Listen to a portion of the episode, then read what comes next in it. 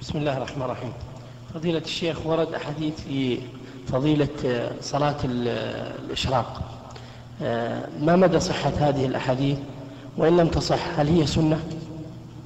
جزاك الله خير. العلماء اختلفوا في في في سنة الضحى هل هي سنة أو بدعة أو فيه التفصيل.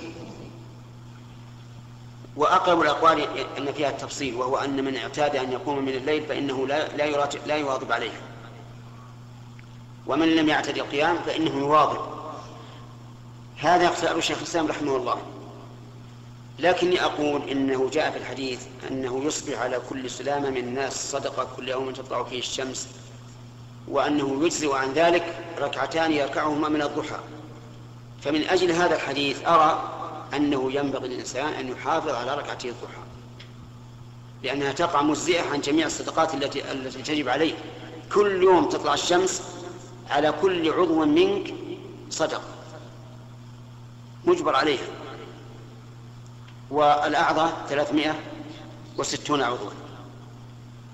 يجب عليك ثلاثمائة وستون صدقة. لكن ليست صدقة المال فقط.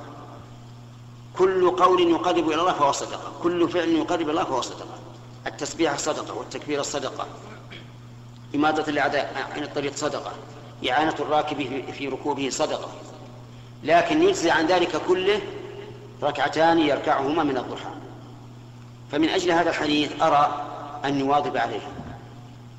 أن نواظب عليها لأجل أن تقع هذه الركعتان آه، مكفرة عن كل الصدقات نعم.